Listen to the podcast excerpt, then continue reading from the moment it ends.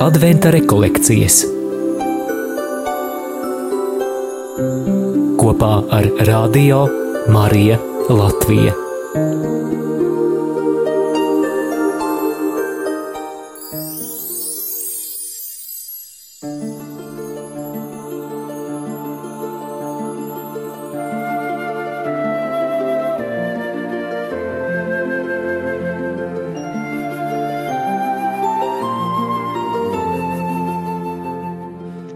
Svētajos rakstos mēs lasām, ka tieši Mūzus saņēma no dieva likumu, kuru viņš un visa izvēlētā tauta apņēmās savā dzīvē pildīt, lai tādā veidā šis dieva likums viņos, viņu bērnos un mazbērnos varētu iesakņoties un nestu paliekošus svētuma augļus. Tātad piedarība pie izvēlētās dieva tautas pirmām kārtām nozīmēja vēlmi izpildīt dieva likumus un pavēles.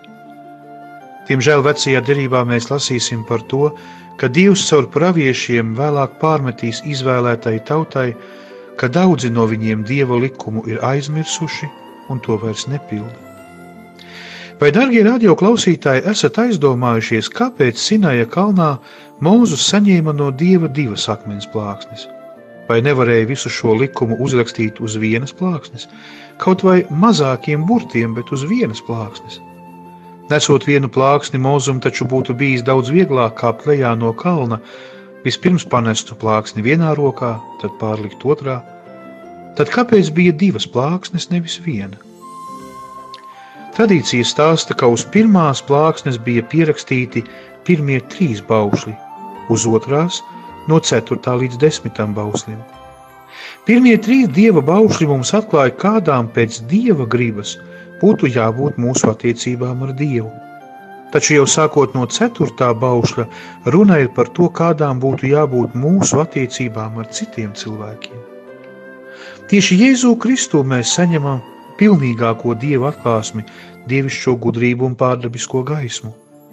Nevelti evanģēlijā lasām, ka kāds vecās derības rakstu zinātājs kādreiz atnāks pie Jēzus un viņam jautās, kurš bauslis likumā ir vissvarīgākais – jeb kuru bausti neizpildot, cilvēks debesu valstību var neiegūt. Ko Jēzus viņam atbildēja? Viņš atsaucās uz baušļiem, kurus uz divām akmens plāksnēm uzrakstītus Mūzus nonesa no Sinaja kalna un atklāja izvēlētai tautai.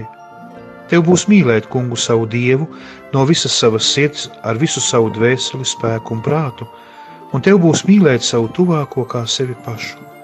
Lūk arī viss likums un pravieši.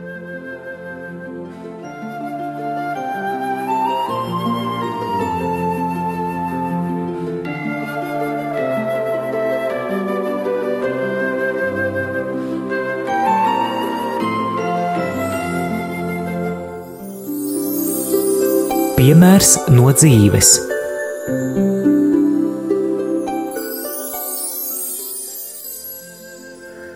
Desmit bauši varētu būt galvenie likumi manā dzīvē, taču es tos drīzāk sauktu pa karti, jo tie man palīdz vadīties manā dzīvē, un īpaši svarīgi man ir pirmais un ceturtais bauslis.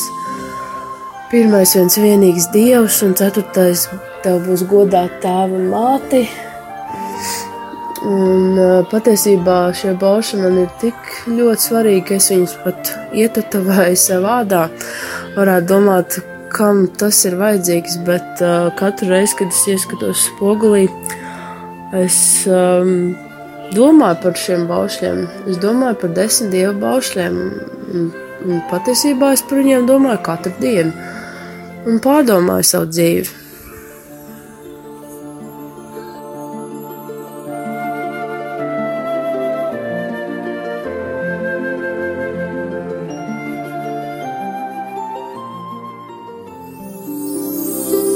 Ko es varu izdarīt šodien.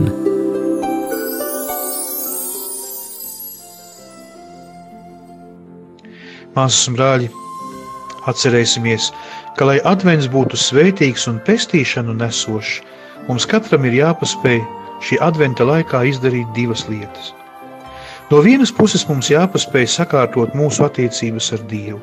Tātad jāapmeklē dievnams, jāpiedalās svētajā misē, jāklausās Dieva vārds, jāizdara laba grēksūdze, jāpieņem kungu Jēzu svētajā komunijā, jālūdzās.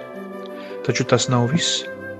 Adventa laikā mums ir jāsakārto arī mūsu attiecības ar citiem cilvēkiem, lai spējam svētīgi piedzīvot šo Kristus atnākšanu. Vēl jau ir laiks, lai mēs paspētu uzrakstīt apsveikuma kartiņu kādam, lai kādam pazvanītu, lai kādu slimu cilvēku apmeklētu, lai palūgtu piedošanu un paši piedzīvotu un piedotu par to, ko esam izdarījuši pāri citiem. Ja to visu izdarīsim, tad Kristus dzimšanas svētkus, māsas un brāļi, mēs varēsim sagaidīt ar divām akmens plāksnēm, bet nevis rokās, bet mūsu sirdī.